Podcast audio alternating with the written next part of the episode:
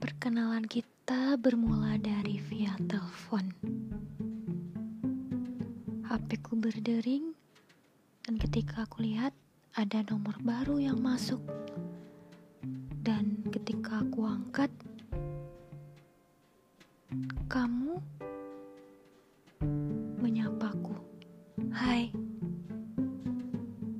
Di situ kamu minta kenalan denganku.